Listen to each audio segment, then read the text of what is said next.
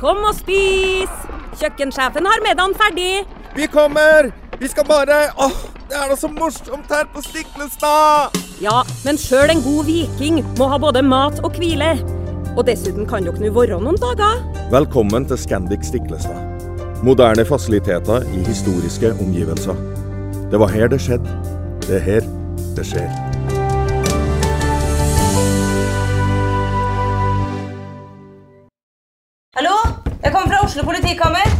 Ine Jansen er purk. Er du purk? The motherfucking bitch. Alt jeg vil, er å finne ut hva som skjedde med mannen min. Jon Carew. Er jeg sikta for noe? Iben Akeli. Det er du.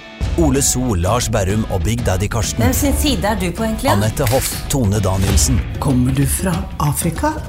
Jørnis Josef, Nesten. Kløfta. Trond Espen Seim, Det er synd å si det, men det var feil mann som døde. Purk. Premiere tirsdag på TV2 Play.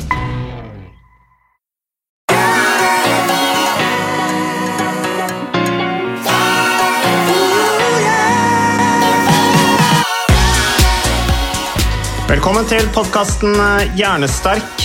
Eh, Ole Petter, vi hadde en episode for noen uker siden hvor eh, vi snakket om denne WHO-rapporten som jeg hadde snublet over eh, da jeg satt eh, ved frokosten og drakk kaffe en eh, morgen og leste Aftenposten, eh, som igjen da sannsynligvis hadde hentet denne eh, rapporten eller undersøkelsen da fra BBC eller WHO. Den ble i hvert fall delt eh, på utallige medier. Du fant den igjen i BBC, hvor det var denne med da altså fare for hjerteproblemer eh, relatert til å jobbe mye. Det var vel 50, over 50 timer i uka eller det ble referert til der. Um, og vi hadde en bra prat på det. Um, og da var det jo relatert til stress da, og belastning på, på hjertet, og at det gjorde at folk ble syke og i verste fall døde av det. Men rett etter den episoden Petter, så fikk jeg en, eh, en melding, eller fikk vi en melding på, på eh, Instagram-profilen vår eh, fra en jordbruker på Jæren. Og nå kan jeg jo lese det han jordbrukeren skriver her. Hei, har dere på hørselvernet? eh, om arbeid og økt risiko for hjerteinfarkt, hjerneslag. Jeg er bonde og jobber i snitt tolv timer, sju dager i uka, med én frihelg eh, i sånn anførselstegn, i måneden, men har egen helse høyt prioritert. Så løping er viktig, seks-sju dager i uka i snitt. Og jobben min er svært fysisk, med mye gåing og bruk av overkroppen. Det er jo naturlig, sånn, sånn, det er jo den måten vi tror at jordbrukere jobber på.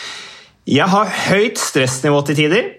Vil gjerne jobbe ut med kollegaer og dele det gode budskap om effekten av fysisk fostring og økt kondisjon. Altfor mange bønder jobber for mye, men pga. økt automatisering går vekta opp, og kondisjonen blir dårligere. Takk for en veldig bra podkast med et sinnssykt bra skråstrek viktig budskap. Hilsen Trond Vidar, treningsglad 74-modell. Eh, og først, Ole Petter, du har jo ikke sagt et ord eh, i løpet av den podkasten, fordi jeg har jo ikke, introdusert- jeg har ikke latt deg slippe til. jeg har ikke fått muligheten, bra? Mats. Ja, det det, her går det fint, men nå ble jeg veldig glad for at jeg fikk lov til å si noe. Ja, alt er bra med deg? Her går det fint. Og du, jeg syns jo dette er veldig Det er et spennende spørsmål. Og den, den rapporten som eh, bonden fra Jæren eh, refererer til, den var jo veldig tydelig på at eh, Og det er en stor eh, forskningsstudie som viser at hvis man jobber over 50 timer i uka, så har man en eh, betydelig økt risiko for å utvikle hjerte-karsykdom. Og det vil i praksis si de to store sykdommene som er i den sekkebetegnelsen hjerte-karsykdom, det er jo hjerteinfarkt og så er det hjerneslag. Og Det er henholdsvis den viktigste og tredje viktigste, eller vanligste, kan man heller si, dødsårsaken i Norge. Så, um, og, og det er jo da knyttet opp mot stress, altså en kronisk stressaktivering som bl.a. er med på å øke blodtrykket vårt, er uheldig for blodsukkerregulering, påvirker kolesterolet negativt, alle disse risikofaktorene for å få hjerte-karsykdom. Og, og jeg syns også det er in interessant å se at i veldig mange yrker som hvor tidligere de som hadde disse yrkene, typisk fysisk aktive jobber og håndverkere, bønder f.eks., så, så ser vi jo at eh, både fysisk form og, og vekt Altså Fysisk form går ned, og, og vekten ofte går opp selv hos de som har fysisk aktive jobber. Og noe av det skyldes nok automatisering, som eh, denne bonden eh, snakker om. Men det skyldes nok også at vi eh, i hverdagen er mye mer stillesittende. Altså Vi beveger oss mindre, mindre hverdagsaktivitet utenom jobb. da. Og, og jeg tror jo, eh, som denne bonden, at eh, selv de som har fysisk aktive jobber, så er dette med regelmessig mosjon og aktivitet utrolig viktig. Én for, å, å- for å forhindre, forebygge hjerte-karsykdom, men, men også for å takle arbeidshverdagen. Altså Ha nok styrke, ha god nok kondisjon til å faktisk fungere godt i jobb. Så, um, så det er veldig veldig bra det han gjør, syns jeg. Trond Vidar her, vår eh, bonde. Det er litt gøy å bli kontakta av en jordbruker, syns jeg. For vi har liksom, jeg føler at vi har snakket mye til eh, kontormedarbeidere. Eh, Vi har snakka med finans, ikke sant? og vi var hos Pareto. Vi har snakka med, med lederen i Amesto Count som, House, som er regnskap. eh, Og generelt en del eh, både unge og gamle folk som Men dette er første jordbrukeren vi har snakka med og om på podkasten. Og jeg kommer fra en gård sjøl, og jeg jo, kjenner jo den nabogården som var forpakter for gården vår, og som er det fremdeles. De var jo orienteringsfolk og var veldig aktive, løp veldig mye, var veldig aktive på langrenn. De var jo alltid de som sto opp tidlig når det var kommet snø og kjørte opp spor på jordene som de gikk på. Eh, Så de var jo veldig spreke. Eh, Men det Trond Vidar Berge her sier, er jo at det er ikke nødvendigvis sånn lenger hos jordbrukeren. Ole Petter, Vi har jo også en del historier om disse tidligere tiders langrennsløpere som de var skogsarbeidere og gikk langt på ski inn, jobba i skogen hele dagen, gikk på ski tilbake. Eh, Det var spreke folk, men det er ikke nødvendigvis sånn lenger. Og Jeg snakka med Trond Vidar Berge, for jeg måtte ta kontakt med han eh, og få dette her litt utdypa. Nå kan vi høre hva Trond Vidar sier. Jo, altså min, eh, min dag starter 05.15. Da ringer klokka og beina i gulvet. Så er jeg i, i gang med fjøsstell og dyrestell da sånn ca. kvart på seks-seks. Og har da eh, skal si, dyrestell fram til ca. tolv på dagen. eh, Og mellom tolv og fire-fem så prøver jeg å få gjort alle andre ting eh, som skal gjøres på en gård. Det er ikke rett lite. Da er det alt fra gjerde, sette opp gjerder til selvfølgelig vi har mye jordarbeid, jordbearbeiding våren og, og slåttearbeid og sånn. Og så er det en nytt dyrestell da, i 4-5-tiden som varer til ca. syv. Og da eh, prøver jeg å komme meg ut og springe en time og halvannen alt etter hvilken dag det er i uka. Etter, etter syv, da. Det er liksom normaluken. Mm. Så du står altså opp fem om morgenen cirka, eh, og har lang dag. Du har, mye, du har mye fysisk arbeid, men allikevel så finner du energi til å dra ut og løpe da etter den dagen. Um, Men er det ikke sånn da at eh, du tenker at du har lyst til å legge deg på sofaen i stedet? Nei, eh, sofaen har jeg aldri lagt meg i. Men eh, eh, Nei, altså, jeg har ikke det. Det er klart det er dager hvor du er fullstendig utmattet og tom, men, men den tomheten kommer jo stort sett fra stress og mentalt. Altså, det har lite å gjøre med den fysiske slitenheten å gjøre. eh, For min del, i hvert fall. Eh, Men det er klart eh, jeg er veldig tiltalt av det der med å overvinne egne eh, hva skal jeg si, hindringer. Da. Eh, Sånn at eh, å ta seg sjøl i nakken og si til seg sjøl forsiktig da, at du prøver. Jeg syns jo det som jeg hørte av eh, Jack Weitz uh, på en podkast her tidligere, at det med å eh, ha en mentalitet hvor du du tar på deg skoene eller treningstøy så prøver du fem minutter. så Hvis du har gjort det i fem minutter, så får du lov å gå hjem og, slappe av hvis du ikke orker mer. Men det er jo sånn som alle vet, at 99 av gangene når du kommer deg ut og, og er i gang, så er det, er det jo ikke noe alternativ å, å slutte av. Da er det jo kjekt.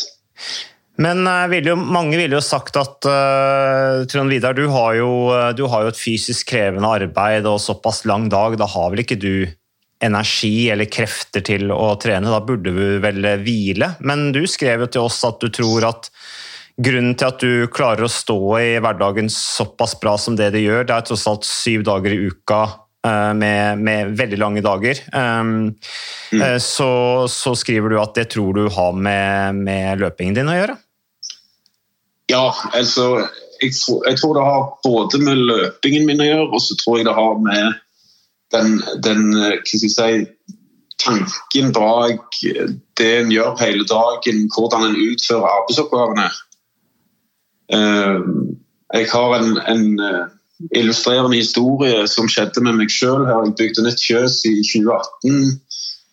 Eh, og da hadde jeg jobba si, 16-18 timer i døgnet i ett år for å bygge dette fjøset. Og skulle få ting litt lettere. Og så gikk jeg og, og begynte å stelle i dette fjøset og gjorde ting akkurat likt hver dag i flere måneder. Og da var det noen muskulatur i ryggen min som begynte å gjøre, gjøre veldig vondt. Mm.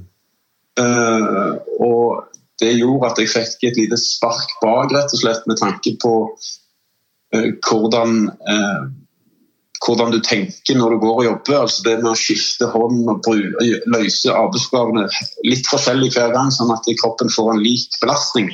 Mm. Ehm, det tror jeg. Og det med, det med å ha god kondisjon eh, og, og altså, trene, uansett hvordan en trener, med tanke på å få et overskudd for å løse en lang arbeidsdag, det tror jeg jo mange kjenner på. Eh, men veldig mange flere forstår det ikke. Men jeg tror det hadde vært verdt å prøve for veldig mange. Eh, men, det, det, gir jo Ja. Mm. Nei, det er bare fortsett. Trond Vidar.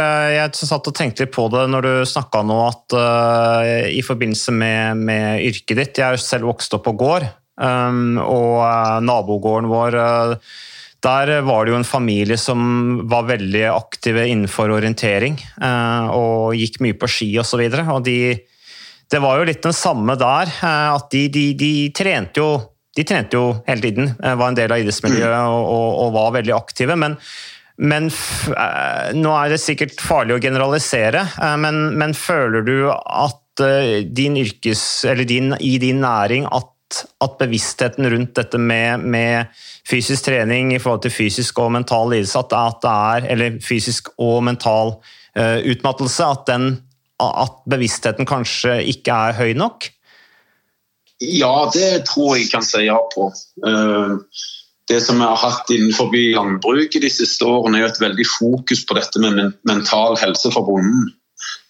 Eh, men da er vinklingen stort sett inn mot det som går på dyrevelferd og dyreomsorg. Fordi at Hvis bonden ikke har det greit med seg selv, så greier han ikke ta vare på dyra sine. og Det er jo veldig sant. Mm.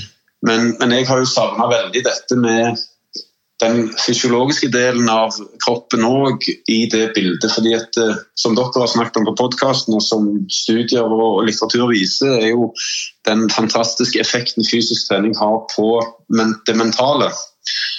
Eh, og da kan en på en måte få en effekt som går på, på spesielt dette med slitasjeskader og hjerte-karsykdom som er veldig utbredt. Og jeg er jo rett og slett skremt uh, hvor, hvor, utbredt det er blitt. Mm. Eh, og på den måten da at vi som uh, ja, bønder og for så vidt andre yrkesgrupper som har kroppsarbeid og fysisk arbeid, vel, altså, burde gjerne tenke litt mer på, på å investere litt i egen helse. da. Mm. Det er vel også sånn nå at uh, utviklingen utvikling den preger også landbruket. At det er mindre fysisk arbeid enn det kanskje var før, og at man dermed forbrenner mindre i forhold til dette med, med, med overvekt. Hva tenker du om det? Ja, det har, det har, du helt rett i. og Der har vi en veldig uh, deling i landbruket med, med, veldig mange gårder som har investert i, i automatisering og lettdrevne bruk. Uh, det er fortsatt mye arbeid, men veldig mye arbeid foregår fra traktorsete og andre automatiserte enheter. sånn at eh, jeg tror nok utfordringen for mange som har denne type jobb, er jo at timen i døgn ikke strekker til. Eh, Men igjen, så Jeg har jo blitt kritisert for å bruke en time til dagen for å trene når jeg kunne gjort andre ting. Men, men for min del så handler det jo vel så mye om det å investere en time til dagen for at jeg skal kunne yte dette i et langt liv, og ikke minst at jeg skal kunne ha en eh, alderdom som er preget av høy aktivitet og gjøre de tingene du er glad i, og ikke ende opp med å bli begrenset av egen helse. Mm. Eh, Du sier også i innledningen her at eh, for deg så er den eh, løpeturen litt sånn problemløsningstid òg. Dere er jo private næringsdrivende, og det er jo en tøff belastning å, å, å, å, drive på den, den måten. Også rent i forhold til å tenke på dette med bekymringer i forhold til fremtiden osv. Er, det- er det litt sånn at du eh, føler at du blir lettere til sinns etter en eh, løpetur? Nå blir det litt ledende spørsmål, selvfølgelig, men, men jeg føler at det er viktig også fordi at det er en Det å være bonde i dag er, er, er krevende, også, også i forhold til dette med, med fremtidsutsikter osv. Ja da, jeg, jeg er ikke i tvil om at, at det har en positiv effekt på, på både bekymringer og stress med å komme seg ut. og Enten om det treningen foregår på en tredemølle eller om det foregår ute, eh, så handler det jo altså, Jeg opplever en veldig stor mestringsfølelse etter en økt, eh, enten det er eller spesielt etter en kvalitetsøkt, men òg etter en rolig tur eh, ute. Så er det en, en ja, det er en veldig behagelig og, og god følelse. Sånn at den, den varer jo veldig lenge med tanke på at du har mindre bekymringer og mindre Du tenker ikke de tankene, eh, og på den måten er friskere og raskere. Da. Det har vel blitt en rutine for deg, dette her, Trond Vidar, regner jeg med? Altså, du avslutter dagen, slik jeg oppfatter deg rett, med en, en løpetur. og Da vil jeg jo tro at kvelden på en måte får litt mer kvalitet også da når du på en måte er ferdig med dagen, og også at det påvirker eh, søvnen din, i og med at du skal stå opp såpass tidlig om morgenen som det du gjør? Ja da, ja da. Det er ikke tvil om at søvnen er blitt bedre etter at jeg trappa opp treningen. og det, det sier seg jo litt sjøl at jeg blir sliten og sover bedre på en måte. Men, men eh, jeg har merka en veldig gunstig effekt på det med å, å ha god kvalitet på søvnen. Og, og det er klart at mange morgener, morgener så våkner du opp støl hvis du har hatt en hard økt dagen før. Og, og, men, men det er jo en god følelse. Det er jo langt ifra en dårlig følelse. Og Den er jo vekke veldig fort når du har et, et fysisk arbeid, så den stølheten forsvinner jo i løpet av en time. Trond Vidar, bare til slutt. øh, øh, Tenker du at øh, det er nok rådgivning rundt dette med forebyggende helsearbeid for, for bonden i, i, i Norge, eller er det en sånn generell oppfatning om at ja, bønder er sunne, spreke folk som alltid har vært ute i naturen og, og, og, holdt seg i form, Eh, så det, det der kan de. Hva tenker du om det? Eh, Nei, altså jeg savner, jeg savner den eh, si, treningsbiten og mosjonsbiten i, i landbrukstjenestene som jeg blir tilbudt. Nå er det jo heldigvis mange bønder som er veldig aktive i idrettslag og vanvittig flinke i mange idretter, men, men igjen, de blir i mindretall. Eh, og, og vi har hatt en eh, ja, automatisering trer fram, og, og bondens arbeid blir mindre. sånn at det, helse for, altså Kroppslig helse for bonden og egen mosjon det tror jeg må inn på, inn på læreplanen. Ja, Det var interessant å høre Trond Vidar, syns jeg. Eh, Vi må vel kanskje påstå at han er et sånn helsefyrtårn innenfor eh, jordbruket.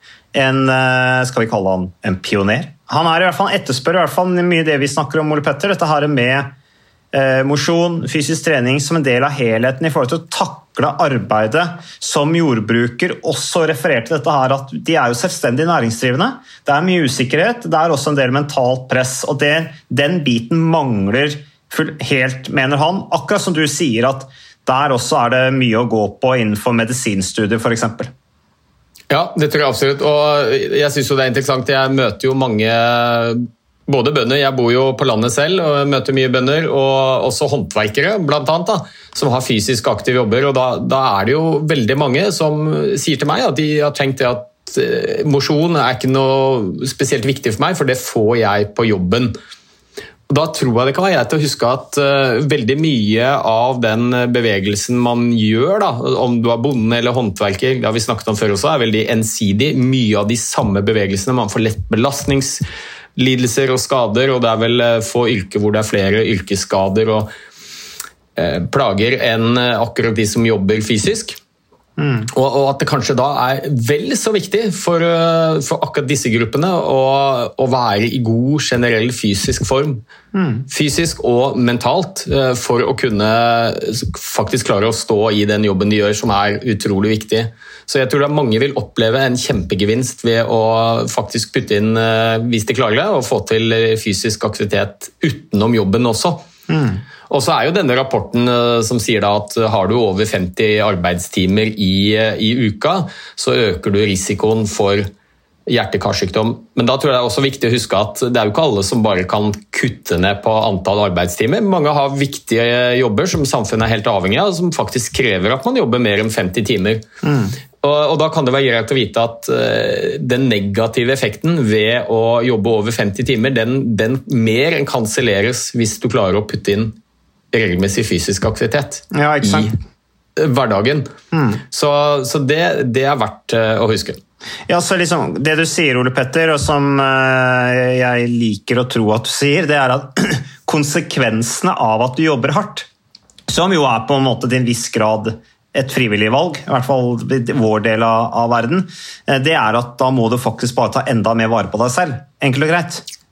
Ja, altså, Jo mer du jobber, Eh, jo viktigere blir fysisk aktivitet. og Det kan jo virke litt som en sånn paradoks, eller iallfall kanskje litt vanskelig å få til. for klart Jobber du mange timer i uka, så er det færre timer tilgjengelig til å drive med fysisk aktivitet. Men da, da tror jeg det er verdt å huske den gevinsten man får. Altså, jeg, den er nok enda større. De som jobber mye, har stressende arbeid, også fysisk arbeid, så er regelmessig bevegelse og mosjon vel så viktig som for resten av oss. Han er jo veldig bevisst her, da, han Trond Vidar, når han snakker om sant, det renoveringsprosjektet eller hva det var et eller annet han bygde på gården der, hvor han er bevisst etter å bruke eh, forskjellige bevegelser. Eh, fordele på en måte belastningen på flere deler av kroppen for at det ikke skal bli for ensidig belastning. Eh, det er jo, han er jo flink fyr, altså. Kan mye om helse, han er eh, Trond Vidar. Åpenbart, så enig med deg. Han er en pioner her. Men Ole Petter, eh, vi kan jo gå litt videre. Eh, nå har vi skrytt mye av eh, Trond Vidar Berge, Trond Berge jordbrukeren fra Jæren, som har satt fysisk aktivitet på agendaen. Ønsker å løfte opp det enda mer i jordbruket. Men vi har noen flere spørsmål her, Ole Petter, når vi først er i gang. Her er det en melding også på Instagram-profilen vår fra en nyutdanna Ukas annonsør det er uh, HelloFresh. Og uh, hvis du nå går inn på hellofresh.no og bruker koden 'fresh hjerne', så kan du få opptil 1779 kroner rabatt på da de fem første matkassene dine hvis du ikke har prøvd Hello Fresh enda. Og Ole Petter, vi er jo glad i Hello Fresh i podkasten Jernsterk, selvfølgelig fordi at de er en annonsør. De er med og bidrar til å spre det glade ordet om fysisk aktivitet og god helse, men i tillegg så har jo vi også nå lang erfaring med Hello Fresh eh, selv. Så vi må jo si at det har vært gode erfaringer til nå. Ja, absolutt. Visste du Mats, at HelloFresh er faktisk verdens ledende matkasseleverandør? og Tilbudene til HelloFresh gjør det enkelt å lage gode og varierte retter som skaper matglede. Og matglede vet du, det er like viktig som hva du putter i munnen. Det å spise mat med folk du trives med. Så gjennom 25 nye og inspirerende retter hver uke så bidrar HelloFresh til dette. Du kan bestille ekstra porsjoner om du får gjester, eller hoppe over uke hvis du f.eks. skal bort. Mm. Og Det er ingen bindingstid, og du velger leveringstidspunkt og dag selv, så leverer Hello Fresh matkassen din akkurat når det passer deg. Ikke dårlig, Mats. Nei, det er veldig bra. Så, eh, og dette er med enklere hverdag, det kan jeg nå skrive under på. For nå, forrige erfaring vi hadde forrige uke, Ole Petter, det syns jeg var Det var jo et gjennombrudd eh, for familien Kaggestad. For da lagde rett og slett barna de lagde middag og serverte middagen, så den var ferdig laget og servert da når eh, min kone Marita og meg kom hjem fra jobb. Og jeg mener Det var jo bare helt utrolig. Eh, Det var helt fantastisk. Det ble en nydelig middag. Riktignok de, de, de, de roter og søler litt, det gjør de. Så, men, men maten ble veldig god. De var veldig stolte over å kunne ha både laget og servert maten, så det var helt fantastisk. Så vi har jo da i siste så har vi eh, spist eh, bl.a. sitron- og dillstekt hyse med ovnsbakte grønnsaker og aioli. Eh, Vi har spist middelhavsinspirert kylling. Taco, så finnes det mange ulike typer taco. F.eks. vietnamesisk taco, som vi har spist. Thailandsk vegetargryte. Veldig riktig og sunt eh, i dagens eh, samfunn med, med fokus på bærekraft. Hvitløk og chilistekte reker i spagetti, det var definitivt en vinner. Så det er så flott. Du får rimelig mat ved at du kun betaler for det du trenger, så det blir ordentlig feststemning med Hello Fresh. Det gjør det, og nå er det bare for deg å gå inn på hellofresh.no og bruk koden FRESH gjerne. Da får du opptil 1779 kroner rabatt på de første fem matkassene dine, hvis du ikke allerede har prøvd HelloFresh. Du kan også bruke rabattkoden hvis du har stoppet abonnementet ditt for tolv måneder siden eller mer. Er det noe å lure på? Håper maten smaker godt. Bon appétit! Lærer. Eh, Og så står det Hei, jeg skal begynne i ny jobb som lærer på en ungdomsskole fra høsten av og skal undervise i naturfag. I den forbindelse lurte jeg på om dere har noen konkrete forslag til hvordan fysisk aktivitet eh, kan gjøres i undervisningen. Spesielt da når vi er i klasserommet og det er begrenset med plass. Håper på gode råd! utropstegn. Takk for jobben dere gjør for å spre kunnskap om fysisk aktivitet. Hilsen nyutdannede lærere. Ole Petter, du har litt erfaring med, med dette med, med skole, undervisning. Eh, dette prosjektet i Horten, jeg husker ikke hva du Var det hopp? Hva var det du kalte det igjen? Rett og slett håper jeg, og dette er jo et eh, spørsmål som jeg liker. vet du. Og Her har jeg et helt konkret råd, og det, det er eh, å ta kontakt med Horten kommune. Der er det et prosjekt som heter HOPP, helsefremmende oppvekst står det for. og Det er rett og slett for å gi barna i eh, kommunen bedre oppvekstvilkår. Viktigste elementet i prosjektet det er mer bevegelse og, og lek i skolen. De har én time hver dag, eh, sammenlignet med to timer i uka, som er landsgjennomsnittet. Så det er en pionerkommune akkurat når det gjelder dette med å ta tak i viktigheten av bevegelse i skolehverdagen. Og I det hopp-prosjektet så er det utviklet en egen sånn kall det standardisert verktøykasse. En rekke forskjellige øvelser og leker og aktiviteter som man kan gjøre i klasserommet og for så vidt i skolegården også. Og, og det er for å gi eh, lærerne selvfølgelig noe frihet i hvilke type øvelser de velger, hva som passer eh, elevene. Og, og, og, det er enkle greier, altså, men eh, ganske sånne standardiserte. Eh, Det har vi brukt i det store forskningsprosjektet vårt. Fordi vi ønsket jo at skolene skulle gjøre mest mulig likt. Og Der er det et hav av forskjellige aktiviteter som man rett og slett kan begynne å bruke med en gang. Og, så det jeg ville gjort, google bare Horten kommune og hopp så får du kontaktinfo der til kommunen. og De eh, kjenner jeg veldig godt og vet at de er mer enn glad for å dele sine erfaringer og verktøykasser med andre kommuner og skoler. Uh, og der har dere altså der, er Gevinstene uh, som det rapporteres om der, er sant, økt konsentrasjon bl.a. Er det ikke sånn? Jo, det kan du si det veldig enkelt. Og dette overrasker sikkert ikke lytterne her heller, men det vi har sett etter over fem år med oppfølging av flere tusen barn i grunnskolen, men også noe i ungdomsskolen, det er jo at barn som får lov til å bevege seg litt mer i skolen, de får bedre fysisk form. Det er jo ingen bombe. De får bedre kondisjon, de orker mer, de har redusert mange risikofaktorer for å utvikle sykdom senere i livet. Alt fra at de går mindre opp i vekt enn andre barn. De har som sagt bedre oksygenopptak, lavere kolesterol, bedre blodsukkerregulering osv. Så, videre. mm. så akkurat det samme vi ser hos voksne. Og så trives de bedre på skolen. Og det er jo ikke så rart. Mattestafett, norskrebus i skolegården er morsommere enn å sitte stille på rumpa i flere timer i strekk og høre på voksne snakke. Det er ikke barn laget for. Så, og så, på toppen av det, så ser vi jo at barna lærer bedre også. Det er rett og slett at den fysiske aktiviteten gjør noe med barns hjernefunksjon, akkurat som voksne. Bedre konsentrasjon, oppmerksomhet, humør, læringsevne.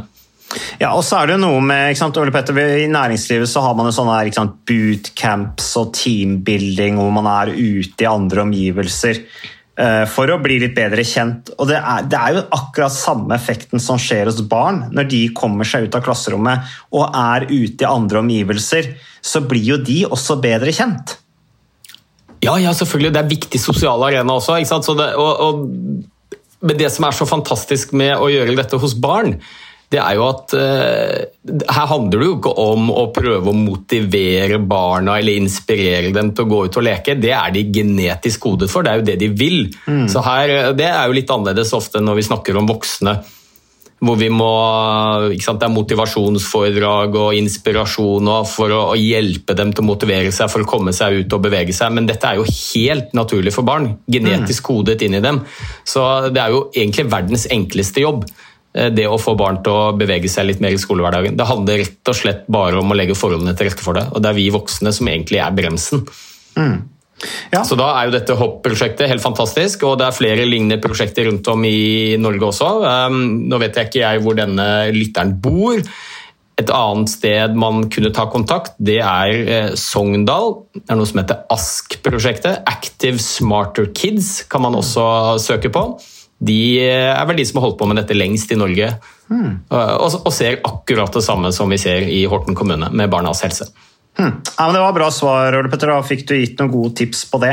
Og så er det et eh, spørsmål til. Nå raser vi jo gjennom lyttespørsmålet. Veldig bra, for vi har veldig mange vi ikke har fått svart på. Det bare beklager vi. Eh, Men det betyr ikke at vi ikke kommer til å svare på det en gang i fremtiden. Men her er det et spørsmål eh, Hadde en nydelig opplevelse jeg ønsker deres synspunkt på. og Det er et veldig godt utgangspunkt da, for et spørsmål. Det, det, Men var det en nydelig opplevelse? Eller jeg tror det skulle egentlig stå nylig. Ja, det står nydelig, men eh, det er nok en skrivefeil fra vår Ja, kjære jeg tror venner. det, for Når du leser resten, så tror jeg ikke vedkommende oppfattes eh, som nydelig. Nei. Men heller at det var nydelig. Det er et godt poeng. Så, men da kan jeg begynne å lese spørsmålet. Veldig bra poengtert, eh, Ole Petter. Vi satser på at det, det er sannsynligvis skrivefeil. Og så skriver han jeg er 43, jeg er 43 år. eh, Var på min årlige helsesjekk via bedriftshelsetjenesten, ikke fastlegen. Jeg trener crossfit fire-fem dager i uka på fjerde året og føler meg eh, på mange måter i veldig god form. Blodtrykket var normalt. 125 over 80, er det ikke sånn man sier det, Ole Petter? Eller, Jo. jo. Eh, Jo, helt riktig. og alle blodverdier var helt fine. Ja, jeg har en BMI som er noe høy. Altså, jeg er 175 cm og veier 94 kg. Ok? Vekten har vært stabil over flere år. Jeg er glad i mat og spiser variert og balansert, men går nok ikke så mye ned i vekt da jeg sjelden havner i kalori, kilokaloriunderskudd. Jeg ble bare litt overrasket over at legen kun hadde fokus på BMI uten å spørre meg om jeg var fysisk aktiv eller ikke. Prikk, prikk, prikk. Hvor aktiv jeg er, hva jeg spiser osv. Har dere noen tanker rundt dette? Det kan ikke jeg bare si noe med en gang, Ole Petter. I og med at jeg ikke er lege, og du er lege. Bare for, å, bare for at du skulle høre hva jeg ville sagt da, om jeg var lege. Kjør på, Mats. Ja, jeg ville sagt Ok, du har litt høy, med høy BMI, men du trener jo og trener fire-fem ganger i uka. Jo, er det på fjerde året, alt ser bra ut. Kos deg, hadde jeg sagt. Fortsett sånn. Fortsett sånn. Lev sånn. Sånn kan du leve resten av livet, hadde jeg sagt. Veldig bra jobba. Og det var et veldig bra svar, Mats, for det er så godt som en blåkopi av det jeg har lyst til å si. Og jeg må jo si at jeg ble også overrasket eh, over det denne legen, bedriftshelselegen, eh, sa til deg. For her er det jo en person som trener crossfit fire til fem ganger i uken. Jeg har prøvd crossfit selv. Det blir man i god eh, form av. Både kondisjonsmessig og styrkemessig har helt fint blodtrykk, blodtrykk som en 18-åring, og helt fine blodverdier.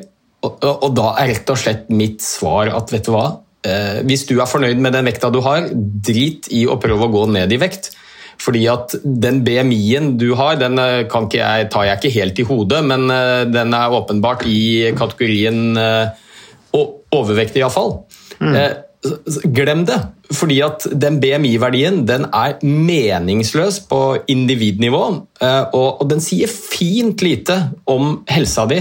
Og det er jo helseaspektet vi er opptatt av når vi som leger anbefaler pasienter å gå ned i vekt. Så er det jo ikke av estetiske grunner. eller andre, altså Det er rett og slett fordi vi vet at eh, de som har en eh, for, for, høy, for høy vekt sammenlignet med BMI-skalaen, da, statistisk sett har økt risiko for sykdommer. Men da vil legge jeg vekt på statistisk. Og Det er jo fordi at eh, for veldig mange, men langt ifra alle, og ikke denne personen, så vet vi at de som eh, har høy vekt, spesielt når vi kommer i fedme og alvorlig fedmekategoriene, så er det ofte knyttet opp mot at de har risikofaktorer for sykdom. Mm. F.eks. høyt blodtrykk, høyt kolesterol, dårlig blodsukkerregulering, økt risiko for å få diabetes type 2. Men det har du ikke når du trener. Sant? Det er det beste medisinen vi har for å redusere disse risikofaktorene. Her er det en person med helt eh, nydelig blodtrykk, trener fire til fem ganger i uka. BMI-en har ingenting å si. Dette er jo høyst sannsynlig en person som har svært god helse og lav risiko for å, å bli syk. Så jeg ville sagt keep up the good work, glem BMI. Og så er jeg lite spark til legestanden, og det er jo rett og slett at vi må slutte å ensidig fokusere på vekt og BMI. Det er et godt verktøy på, på befolkningsnivå når politikere skal lage handlingsplaner når de ser at store deler av befolkningen har gått opp i vekt f.eks. Så kan det være nyttig å prøve å komme med noen tiltak, men på individnivå ganske unyttig, sier fint lite om helsa di.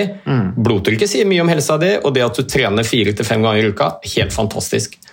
Så um, ja, så vi leger vi må vri fokuset vekk fra vekt over på helse.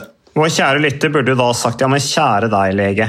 Altså, Jeg trener fire-fem dager i uka, jeg har det og det blodtrykket. altså Nå, nå bommer du på helheten. Litt sånn der, tenker Kanskje jeg ser for meg her at det er en person som kommer litt sånn slukøra ut av, eh, av legekontoret og er litt sånn skuffa over at legen har bare fokusert på det ene som er litt negativt. Så drit i det, som du sier, Ole Petter. Veldig bra.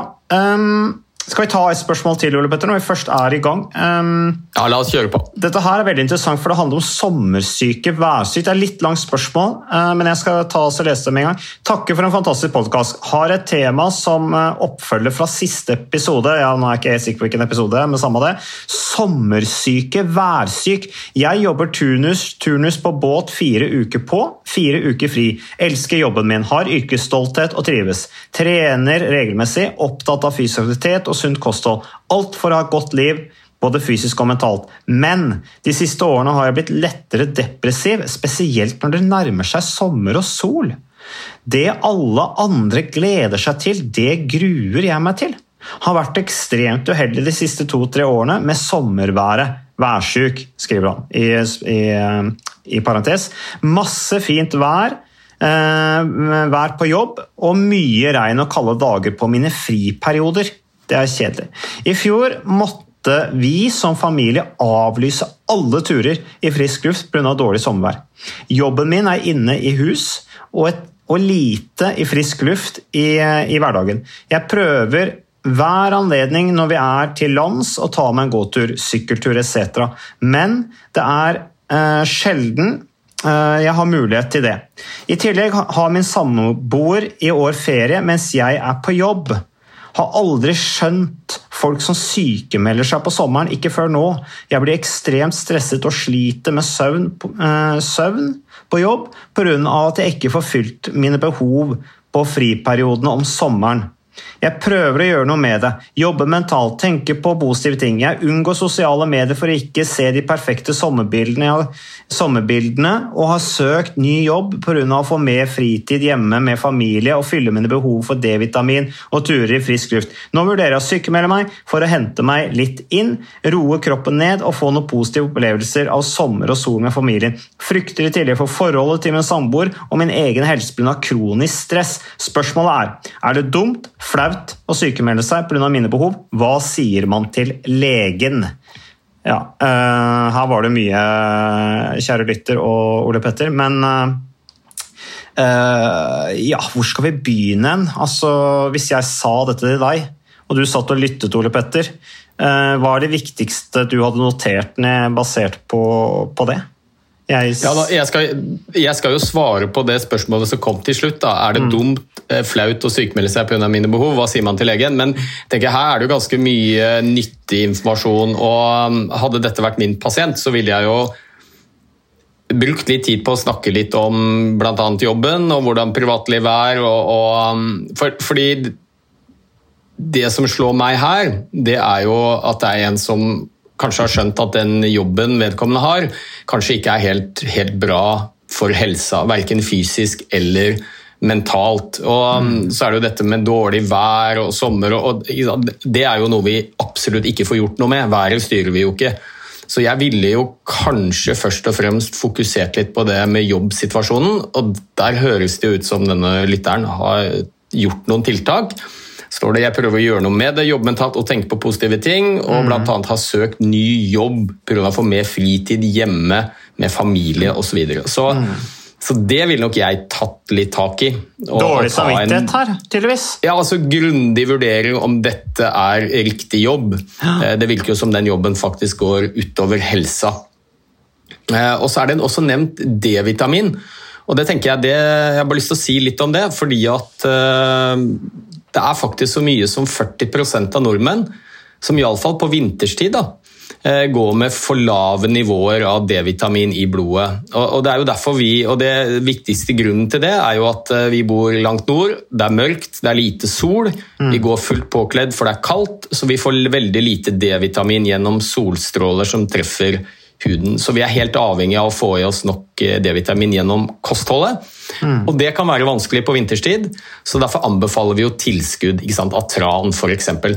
Ja. Um, og mangel på D-vitamin det har vi blitt mer og mer klar over at uh, det påvirker ikke bare skjelettet. Det var liksom det man trodde tidligere. Da, at du, da får du for lite kalk i blodet og for dårlig beinmasse, og så kan du få benskjørhet. Men det vi vet i dag er jo at D-vitamin er utrolig viktig for hjernens funksjon, og spesielt vår mentale helse. Mm. Har du lavt nivå av D-vitamin, så er det en risikofaktor for å utvikle nedstemthet og depresjon. Så jeg tror vel her at uh, jeg ville snakket med denne lytteren om jobbsituasjonen. Mm. Det høres ut som de vedkommende har prøvd å søke seg til en annen jobb. Jeg vil også rett og slett anbefale å ta noen blodprøver hos fastlegen for å f.eks. se om man har noen mangler, bl.a. D-vitamin. Ja, det, ville vært mitt, eh, det ville vært mitt eh, første steg. Og så er det jo noe jeg reagerer litt på, da, og det, det har jo jeg opplevd veldig også som fastlege. Jeg har jobbet som fastlege i 20 år. og Da jeg begynte jobben som fastlege, så var det jo ingen som iallfall veldig få som kom for å sykmelde seg. fordi at Å sykmelde er jo ikke noe pasienten kan bestemme. Det er jo legens ansvar det å vurdere om eh, vedkommende pasient oppfyller kravene for å bli syk, sykemeldt. Mm. Og det, det, skal jo være at man har en uh, arbeids, uh, nedsatt arbeidsfunksjon pga. sykdom, skade eller lyte. Altså det vil jo rett og slett si at man har en eller annen tilstand som gjør at man har nedsatt arbeidsfunksjon. Og Det kan være sykdom, det kan være alt fra fysisk sykdom til mental sykdom.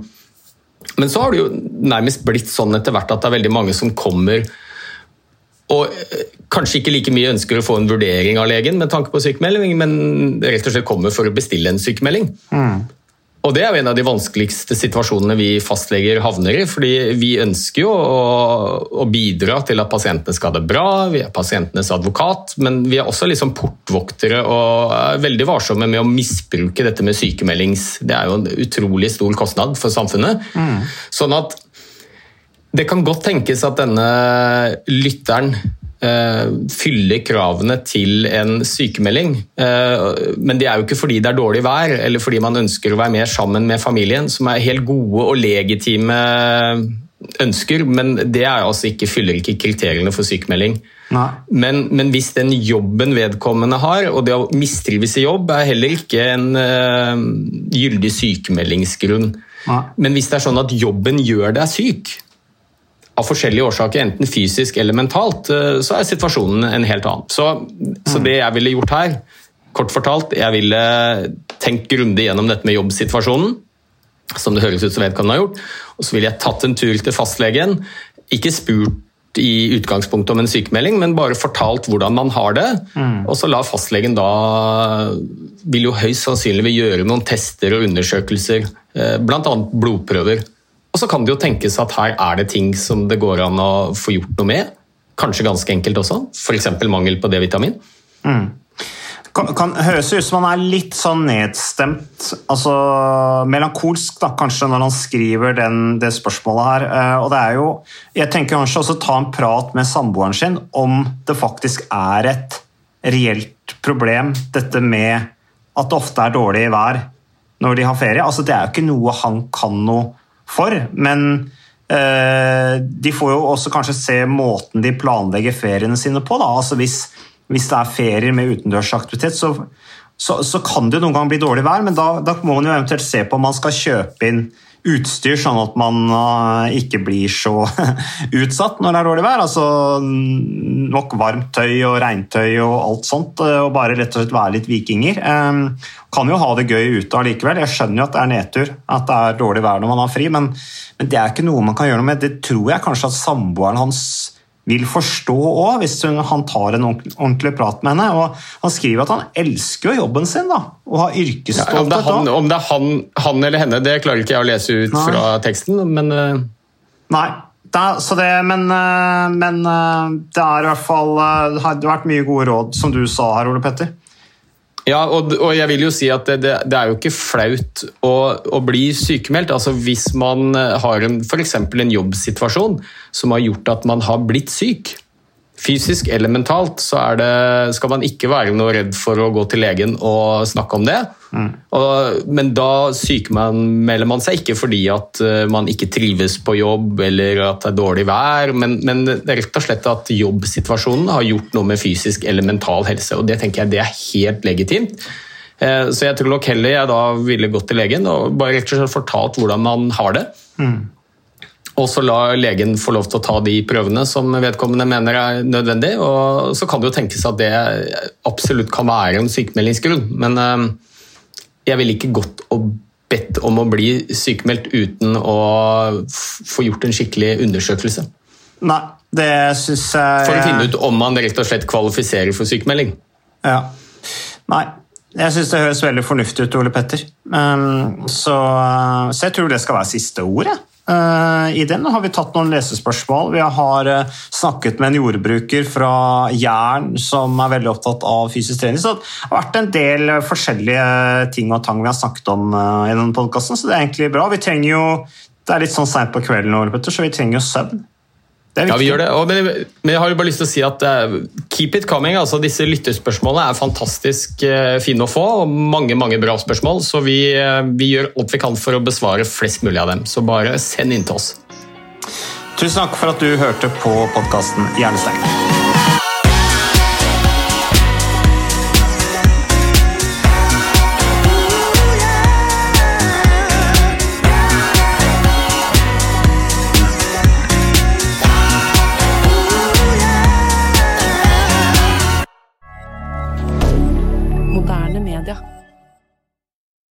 Har du et enkeltpersonforetak eller en liten bedrift? Da er du sikkert lei av å høre meg snakke om hvor enkelt det er med kvitteringer og bilag i fiken, så vi eh, gir oss her, vi. Fordi vi liker enkelt. Fiken superenkelt regnskap.